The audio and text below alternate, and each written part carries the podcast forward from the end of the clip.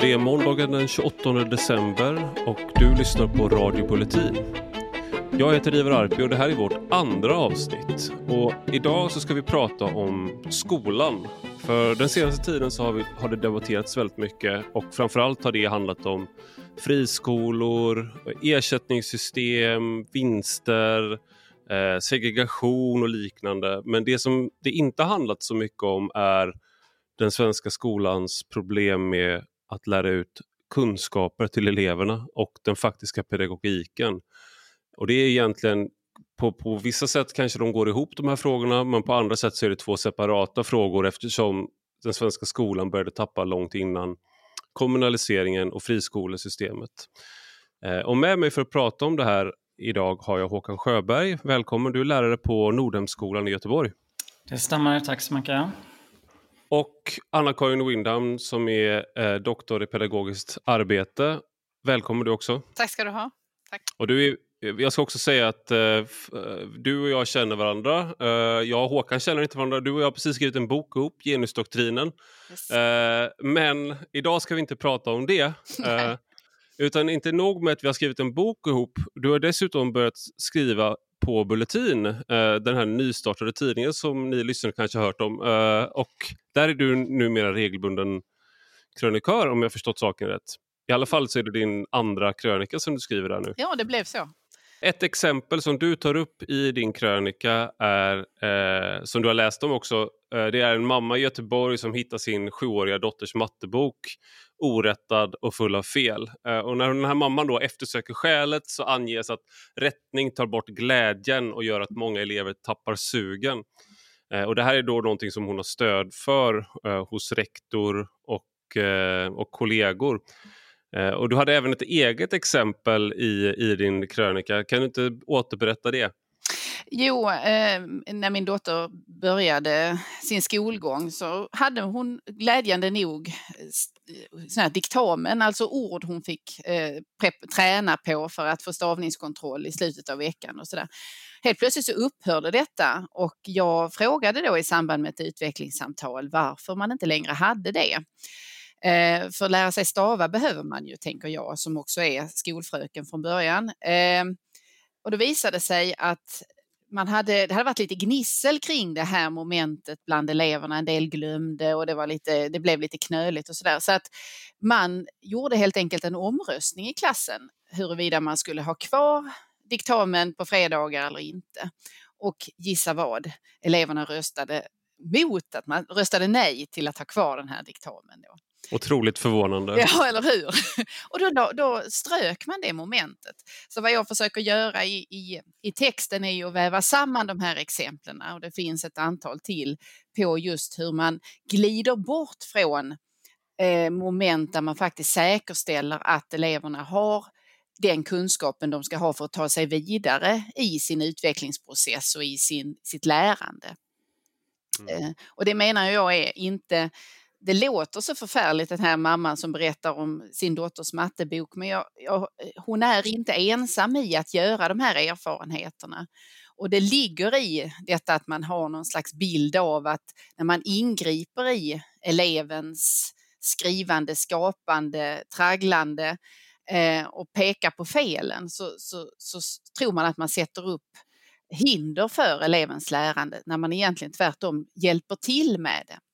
Och det är tanken då som du nämner också då att man har en föreställning att om, om man får tillbaka matteboken då så att säga full rödmarkerad fel eh, så kommer det ta bort motivationen och då kommer det hämma lärandet. Ja, man är väldigt fixerad vid saker som man tror hämmar lärandet och tyvärr är många av de här föreställningarna just det som skulle kunna främja lärandet istället. Ett exempel på det är att man ett tag hade för sig att läroböcker hämmade. Alltså läromedel som eh, experter har tagit fram och designat och då skulle det hämma exempelvis en elevs räknande därför att då ser man att kamraten har kommit längre fram och där är inte jag och då blir man stressad och så hämmas man av det. Men riktigt bra läromedel är tämligen essentiella för att det ska fungera i klassrummet. Och jag tror att det som egentligen är argumentet, eller skälet till att man plockat bort dem, det är krasst ekonomiska. Det är dyrt att köpa in bra framtagna läromedel. Och då går man på andra saker. Man säger att lärarna själva ska sammanställa läromedel och sånt där. Men de är ju inte utbildade i det. Utan de är förhoppningsvis utbildade i att, att eh, förmedla, att instruera och det kunskapsobjekt som man sysslar med eller talar om. Mm. Jag tänker Håkan, eh, jag ska ställa en fråga till dig. Jag, jag tänkte, vi kom i kontakt via, via Twitter som jag, som jag kommer i kontakt med väldigt många människor. Och, men det var väldigt eh, intressant för du är en del av vad ska man säga, det här skol-Twitter, lärar-Twitter där det finns många eh, aktiva röster nu. Ehm, och många kanske känner till eh, den här artikeln av Filippa Mannerheim som kom för ett tag sedan. Och, och liknande och du är en del av, av det. Jag tänkte, eh, när vi började skriva till varandra då så, så skrev du bland annat att du tycker att det är svårt att lära ut grunderna till grundskoleelever eh, eller de går miste om det för att vi har orealistiska kunskapskrav som, som, eh, som man ska följa. Kan du, kan du utveckla vad du menar med det? Ja, där är en diskussion som träffade fläkten för ett par år sedan när Eh, inte minst Isak Skogstad började kritisera eh, kunskapskraven. Och eh, Skolverket de eh, kunde ju inte annat än att hålla med om att eh, det kanske var så att, vi, att målen då inte var anpassade efter elevernas ålder. Och det som händer när man har lite för bråttom med att eh, ge sig på analyser, det är ju att, eh, att elever då som inte har ett väl utvecklat språk eh, inte har lika mycket ämneskunskap bakom sig, de måste nästan då ge sig på någon typ av kvantumhopp i förståelse för att nå upp till analysen som vi efterfrågar. Och det blir, väl, det blir, ett, eh, det blir en eh, hint till eleven om att, eh, att det är lärarens uppgift på något vis att vägleda dem dit. Och Eh, I och med att vi börjar vägleda dem så försöker vi ta lite genvägar när eleven snarare behöver omvägar mot målet. Därför att det är, som jag brukar säga, att det är via omvägarna som man träffar på nya ord och eh, mer ämneskunskaper. Och detaljerna gör att eleven då sen kan eh, dra en, en åldersadekvat analys. Men, analys. men analyserna i läroplanen, de är inte åldersadekvata. Och det, när du säger omvägar istället för genvägar, är det då att man har eh, istället för att få hjälp av läraren i en genväg så är en omväg att du själv eh, måste söka kunskapen och alltså att du Nej. måste lära dig nytt då? Vad är... det, det jag säger är att i och med att målen eller det vi efterfrågar, själva analysen, den måste ju läraren också då försöka att eh, tydliggöra för eleven. Och i och med att vi gör det från början så kommer eleven också att eh, söka efter svar efter uttryck i texten som ligger i linje med det som läraren förväntar sig. Och det blir en genväg så att eleverna eh, uppmuntras att sökläsa texterna.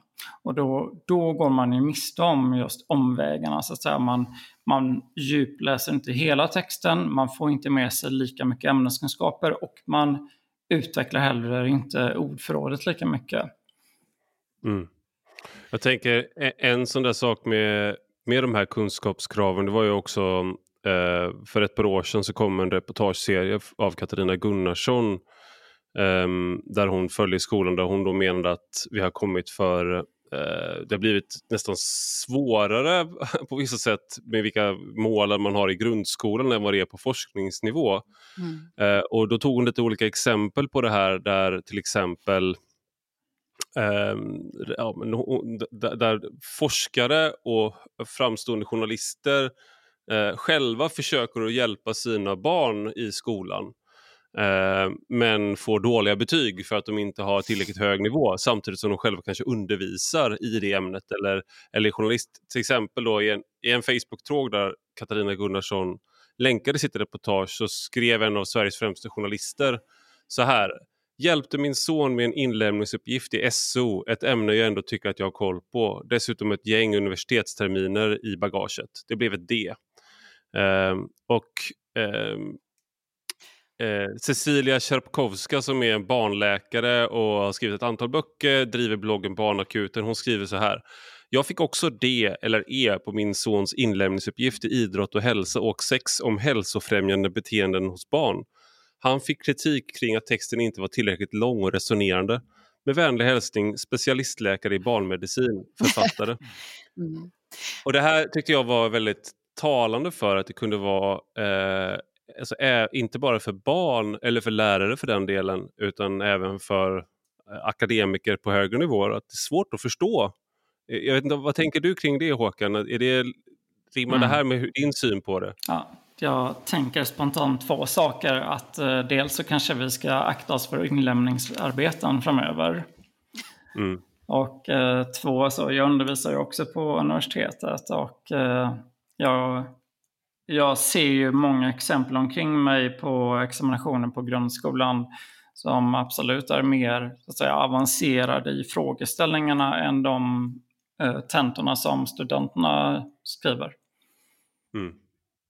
Anna-Karin, vad tänker du? Nej, jag tänker att mycket av detta går ju tillbaka till, eh, man kan tråda det rätt långt tillbaka i den svenska skolhistorien, men, men om man skulle sätta en punkt där det verkligen exploderar av den här typen utav när där man hoppar bort från tankar om faktakunskaper och att det finns så att säga någonting eh, som är domänkunskap, eh, att man måste på något sätt ha eh, kunskap om det sammanhang man studerar innan man sen kan utveckla alla de här mer avancerade förmågorna eh, som inkluderar kritiskt tänkande, analytiskt tänkande och så vidare, så är det året eh, eh 94 när vi får en läroplan som väldigt mycket gör rent bord med eh, kunskap och faktakunskap. Och istället så talar man om att kunskapa. Det är någonting eleverna och läraren då gör tillsammans, helst eleverna, elev och elev. Och läraren träder väldigt mycket åt sidan. Eleven ska undersöka, upptäcka och, och lärarens uppgift blir då istället att stimulera och stödja detta. Man talar i styrdokumenten överhuvudtaget inte om en lärare som berättar och förklarar eller instruerar och tar en så pass aktiv roll i att leda lärandet och vara den förmedlande parten. Och det där är det dröjer sig kvar väldigt starkt i de styrdokument vi fortfarande har. Och eh, det har ju också visat sig att man har bjudit, Skolverket har ju vaktat detta arv, eh, detta olyckliga arv väldigt eh, nogsamt. Eh, och inte så att säga bjudit motstånd mot de tendenser som ändå har kommit av att försöka driva instruktioner och eh, styrdokument i en riktning som skulle underlätta lärarens arbete och som skulle främja det som Håkan tidigare beskrev när eleven så att säga inte bara söker efter vad, vad behöver jag träffa in för att få godkänt här eller för att få ett högt betyg utan att det är en, en helt annan process. Mm. Jag tänker e, e, en sån här sak som jag tänker du, du Håkan som, är, som undervisar elever och sånt där, någonting som återkommer här om man tar då både det här med att man inte ska det här exemplet i alla fall med att man inte vill rätta en mattebok eh, och att man ska söka eh, liksom, att, att lära faktakunskaper, att det, att det framställs som en, en slags, eh, står i motsättning till kreativitet och till analys. Um, att, att det, för mig som står utifrån och sådär kan man ju se att det nästan är att man är rädd för att vara en auktoritet att, eller att framställa läraren som en auktoritet. Är det där någonting som du märker av um, alltså som, som lärare? Mm. Det påminner ju ganska mycket om den, en ganska, eh, den här långa diskussionen vi haft sedan 94 om lärarens roll som handledare mer än kunskapsförmedlare. Eh, det påverkar. Och sen så handlar det också om hur vi värderar ämneskunskaper eh, kontra förmågor.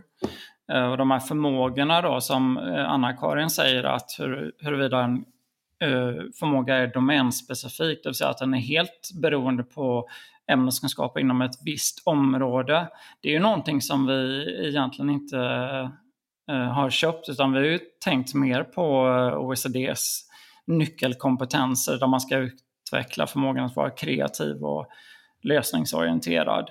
Att, att det blir en generell global förmåga som man kan då upptäcka i klassrummet hos eh, elever. Så att vi, värderar, vi har nedvärderat ämneskunskaper och därmed har vi också eh, gjort det svårare för eleverna att göra någon typ av egen analys.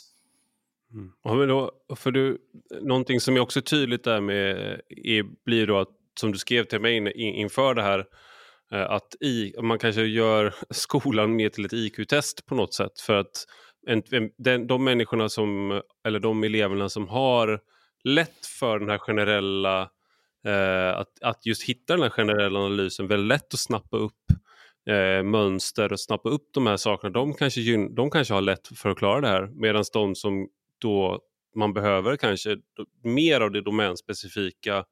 Alltså man behöver, man behöver faktakunskap, man behöver sakkunskap för att kunna bli analytisk eller, eller kreativ.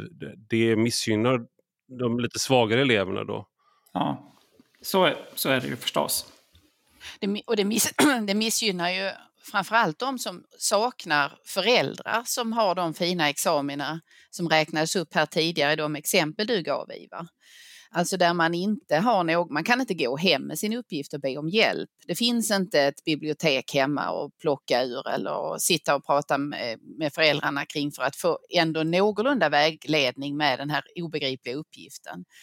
Och det, där fallerar ju skolan eh, på ytterligare en viktig uppgift, nämligen att kunna verka kompensatoriskt och jämna ut chanserna. Och där vi då lämnar en stor grupp som behöver skolan allra mest eh, i sticket med det här, den här drömbilden av hur vi vill att lärande egentligen ska gå till och där man rör sig bort från eh, att erkänna att det finns en skillnad mellan läraren och eleven. Mm. Eh, jag kan tycka att det finns väldigt mycket i den svenska skolpolitiken och också i den, de traditioner som har dominerat den svenska lärarutbildningen där man, det finns en, eh, en, en vilja att gå bort från att erkänna den här hierarkiskillnaden mellan läraren och eleven. Och det går ju inte att komma bort från att det finns en sån. Det är så att säga fundamentet för en utbildningsinstitution. Eh, och lärarutbildningen har ju eller lärarutbildningarna, det finns många olika varianter, men där har man ju länge dragits med en och vidmakthållit en idé om att den här styrande läraren som tar kontroll i klassrummet och som också tar plats i rollen av att vara en kunskapsauktoritet är fel ute.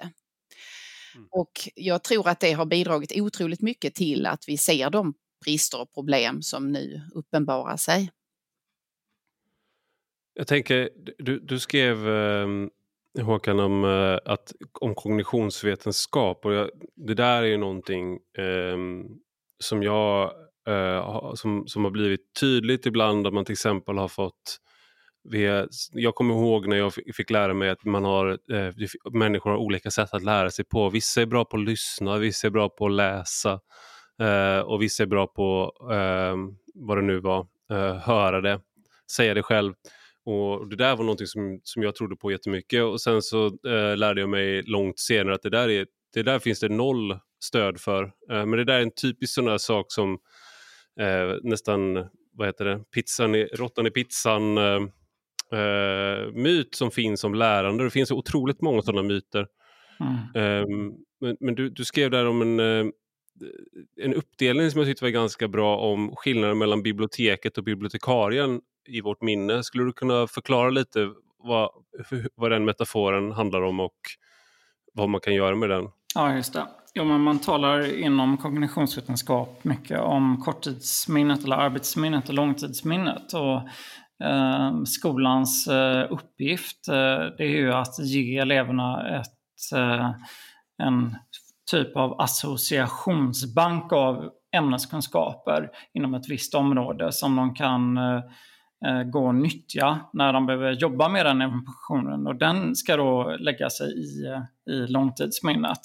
Och sen om man då bibliotekarien som arbetar med själva uppgiften och hon springer och lånar böcker från det biblioteket. För, och, och det är klart att eh, är hyllorna lite tomma så blir det svårt där. Eh, och eh, då kommer eleven att eh, luta sig mot läraren och förvänta sig någon typ av återkoppling. Och den här återkopplingen den kan ju aldrig ge eleverna det som de har gått miste om, det som saknas i hyllorna. Eh, så att eh, jag säger att grundskolan, vi måste jobba mycket mer med grunderna och utveckla elevernas associationsbanker av ämneskunskaper och ett utvecklat ordförråd. Det, det, här är väl ganska osexigt då, uh, att man ska ha till exempel glosförhör, man ska ha till exempel kunna rabbla vissa saker för att få tillgång till, för att sätta in böcker i biblioteket. Så om, du, om du har en bibliotekarie som springer och lånar samma bok om och om igen så att säga, så kommer, du aldrig, så kommer det vara väldigt svårt. Men om du då har, har lyckats banka in en del av de här sakerna uh, så, så, kommer det vara lättare. Jag tänker till mm. exempel om du, inte, om du inte vet vem Gustav Vasa var, så kommer du inte kunna anklaga honom för att vara en patriarkal eh, envålds, envåldshärskare. Liksom. Utan du, du, måste veta vem han var, du måste veta var han, var han kom ifrån, hur Sverige var innan, vad han gjorde, vad som hände sen. För att du ska kunna göra den där analytiska, eh, du måste kunna de här sakerna först så att säga. Mm. Så jag tänker, om man bara gör en sportanalogi där så, så är det ju så här, alla som ska, om man ska lära sig en ny sport, till exempel fotboll, alla som har tränat fotboll eh, när man var barn vet att man står och nöter och nöter och nöter och gör bredsidor mitt mot varandra. Och Sen står man och skjuter på mål, man skjuter på mål och man försöker träffa olika saker. Man springer mellan koner och sånt där. Och det där är ju att du nöter in rörelserna så att du ska, du ska inte behöva tänka när du ska passa. Att nu ska jag göra en bredsida liksom. Eh. Nej, nej, men precis. Det är ju, det är ju, I detta ligger ju också att när man inte ger eleverna det som Håkan beskrev här tidigare så lämnar man dem också. Det finns också den här klassaspekten i den delen därför att man lämnar ju barnen, eleverna med det de har fått hemifrån det de fått eller inte fått hemifrån. När man, när man pratar väldigt mycket om att eleven själv ska få eh, eh, forska eller få välja vad man vill läsa mer om eller fördjupa sig i eller göra ett arbete om och det barnet inte har erbjudits den här vidden av, av möjligheter eller av eh, infallsvinklar, vad har man då att välja på? Då går man till det man redan hade i banken så att säga. Och om inte det är så mycket så, så blir det heller inte något, någon utdelning av det. Eh, eller någon vidare utdelning av det. Men det finns ju en så lång rad serier, du tog upp det där med lärstilar, men det finns ju väldigt många olika sätt att arbeta som har en efter en har så att säga avfärdats sen som inte fungerar. Alltså problembaserat lärande exempelvis, att det skulle dominera i, i den grad och omfattning det gjorde tidigare. Det fungerar inte på det sättet man tänkte idén om att man ska jobba i teman och ämnesövergripande. Samma sak där, det är lättare för eleverna om man så att säga har ämnena uppdelade så att det finns en, eh, en möjlighet att, att just göra de här djupdykningarna och skapa kronologi och liknande. Idén om att spränga ämneslagen i skolan som eh, fanns tidigare där svensklärare hade möjlighet att samtala med andra svensklärare och så att säga fördjupa sig utifrån detta. Nej, så skulle man inte ha det, utan istället skulle det vara lärare med olika ämnesinriktningar och kunskaper som skulle tryckas samman och så trodde man att det då skulle bli bättre. Men det innebär ju att det, det allt förtunnas ut istället. Idén om att man ska lära av lust och mm. inte av, av, något, äh, av att, för att läraren säger att du ska göra det. det det är också en idé som egentligen inte hjälper till att bryta klass eller skapa de här möjligheterna som skolan ska erbjuda eleverna. Är det, är, det inte, är, det inte lust, är det inte lust som ska styra lärandet då Håkan? Vad tycker du? Är det, ja, är det... Ja, det är, vi, vi talar ju mycket om lust och motivation och att inre motivation är finare än yttre motivation. Och, och syftet, alltså det har ju varit att eh, det ska gynna då det kompensatoriska uppdraget, nämligen att elever som kommer från hem utan studietraditioner, man tänker sig att, att eh, vi kan eh, slippa tragglandet i skolan så kommer de här eleverna att eh, komma till sin rätt istället därför att vi ska se till att de känner lust inför arbetet. Men det är ju också någonting som bekräftar snarare eller förstärker skillnaden därför att just elever från eh, hem då som har en studietradition, de har ju redan den här lusten och, och eh, mot, alltså motivationen till att ta sig an arbetet. Och eh, en annan myt är ju att man måste så att säga etablera lusten innan mm. arbetet. Eh, eh, därför att eh, min egen erfarenhet när jag studerar någonting nytt är ju att jag inte känner mig särskilt motiverad men ju mer jag lär mig desto mer intresserad blir jag av ämnet.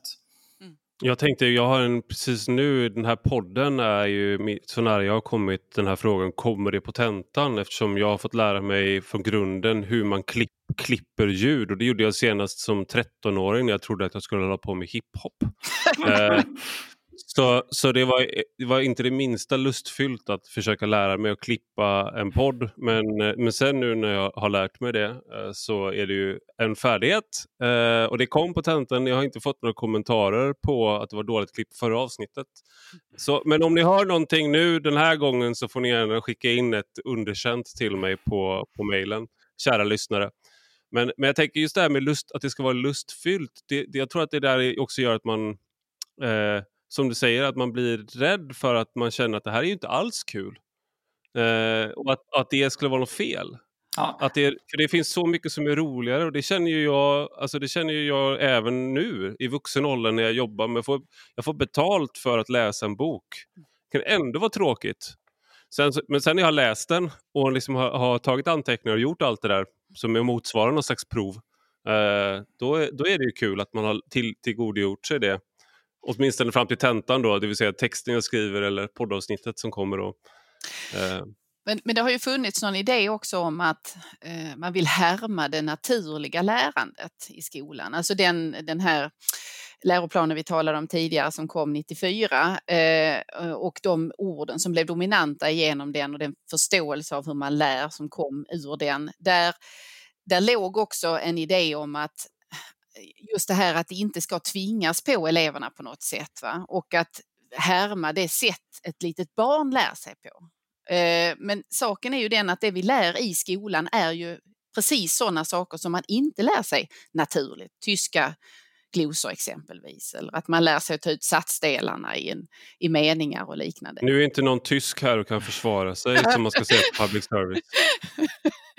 eh, och, och det, det, betyder då att det är en, en det är en väldigt vacker bild att tänka sig att också skolan skulle vara så där lekfylld som det lilla barnet lär sig. Men det är just bara det, det är en, en drömbild eller en vision. Den går inte att realisera. det här är någonting som man får, det här är också någonting som förälder som man får höra, eller i alla fall fick höra ganska nyligen, att man, man ser ett barn, ens barn sitta och måla så ska man inte säga åh vad fin teckning du gör. Utan det man ska säga är gud vad kul att du håller på eh, och tecknar. För att du ska liksom berömma processen, mm. inte ge ett betyg.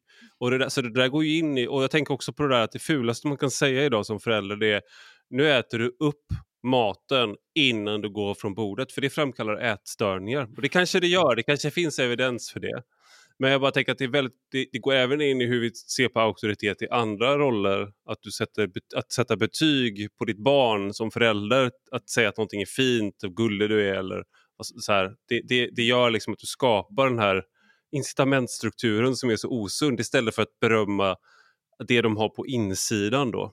Eh, jag tror inte att det är hela världen att göra det heller i den relationen där. Det, är, det, det utgår ifrån att du är hyfsat normal i övrigt som du säger till om att äta upp eller vad, vad fint du målar eller den där teckningen blev väl inte särskilt bra. Det kan man mm. säga då och det bör man mm. nog faktiskt också göra. Det är ju det, är ju det som är den, det är den fostran vi har eh, till buds så att säga. Jag kommer att eh. skicka in en orosanmälan på dig nu Anna-Karin om att du är elak mot dina barn. Psykiskt våld. Ja. Mm.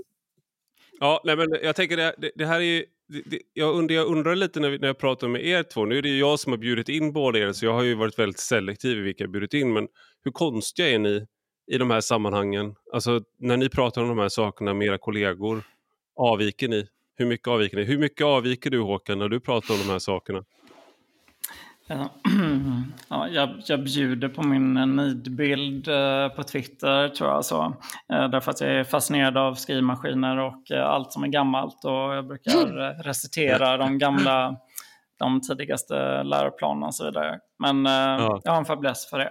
Men ja, nu arbetar jag på en skola som har ganska mycket traditionell undervisning. Men just när man har diskussionerna på sociala forum så märker man ju att jag märker absolut att jag framställer mig själv som, eh, ja, som just väldigt traditionell. Så. Och jag, sen, även om de här slutsatserna som jag har kommit eh, till, om de framstår som traditionella, så är de faktiskt baserade på vad vi känner till från eh, kognitionsvetenskapen. Och, och det du tar upp, nämligen myter om inlärningsstilar exempelvis. Mm, det är det tradi traditionella älskar och, och liksom det är väldigt skönt när liksom vetenskapen bekräftar ens, ens mossighet så att säga. Ja, jo, men vi, vi har ju gått ganska långt i, i svensk skola åt det, det hållet som du beskriver och jag har ju själv varit med om där på eh, 2010-talet när jag mm. gjorde alla misstag också eh, och jobbade med lärstilar och eh, problembaserad eh, inlärning och så vidare. Jag har gjort allt det där och trodde verkligen på det under väldigt lång tid tills, mm. tills eh, de här forskarna bevisade mig fel. Och, Vilka forskare var det? När, när var det du började din resa? Ja, men jag skulle vilja säga när Hatti kom ut med synligt lärande, när vi eh, började att göra upp med mentorskap och idéer om problembaserat inlärning till exempelvis. Där började jag ana också att eh, alla, hur många myter jag själv har eh, skapat åt mig själv. Eh, så då gjorde jag någon typ av ansträngning där för att eh, ja, läsa vidare och eh, göra upp med gamla darlings. Just det. Och den heter Synligt lärande för lärare av John Hattie som kom 2012 på svenska ser det ut som. Ja, jag tror att den släpptes 0809 eh, ungefär i ja, Visible Learning. Och du Anna-Karin, då, har, du, du, har du gjort dig skyldig till alla de här synderna äh... innan du kom till, på bättre tankar? Eh, I, I, någon mån i min avhandling faktiskt därför att den eh, som handlar om kritiskt tänkande och i vad mån eleverna skolas i detta i gymnasieskolan. Och där utgår jag ju från idén att det ska vara möjligt på något sätt. Att jag, jag, jag, jag kritiserar lärare som ägnar sig åt traditionell undervisning och som efterfrågar av eleverna att de ska kunna reproducera kunskap och memorera och kronologier och liknande. Eh, och eh, ställer då frågan varför, varför tränas de inte mer i kritiskt tänkande och ser inte att det är precis det lärarna förbereder för i det de gör. Jag borde ha berömt lärarna istället för att de ståndaktigt eh, försvarade det sättet att strukturera undervisning som, som faktiskt gynnar elevernas tillblivelse som självständigt tänkande människor.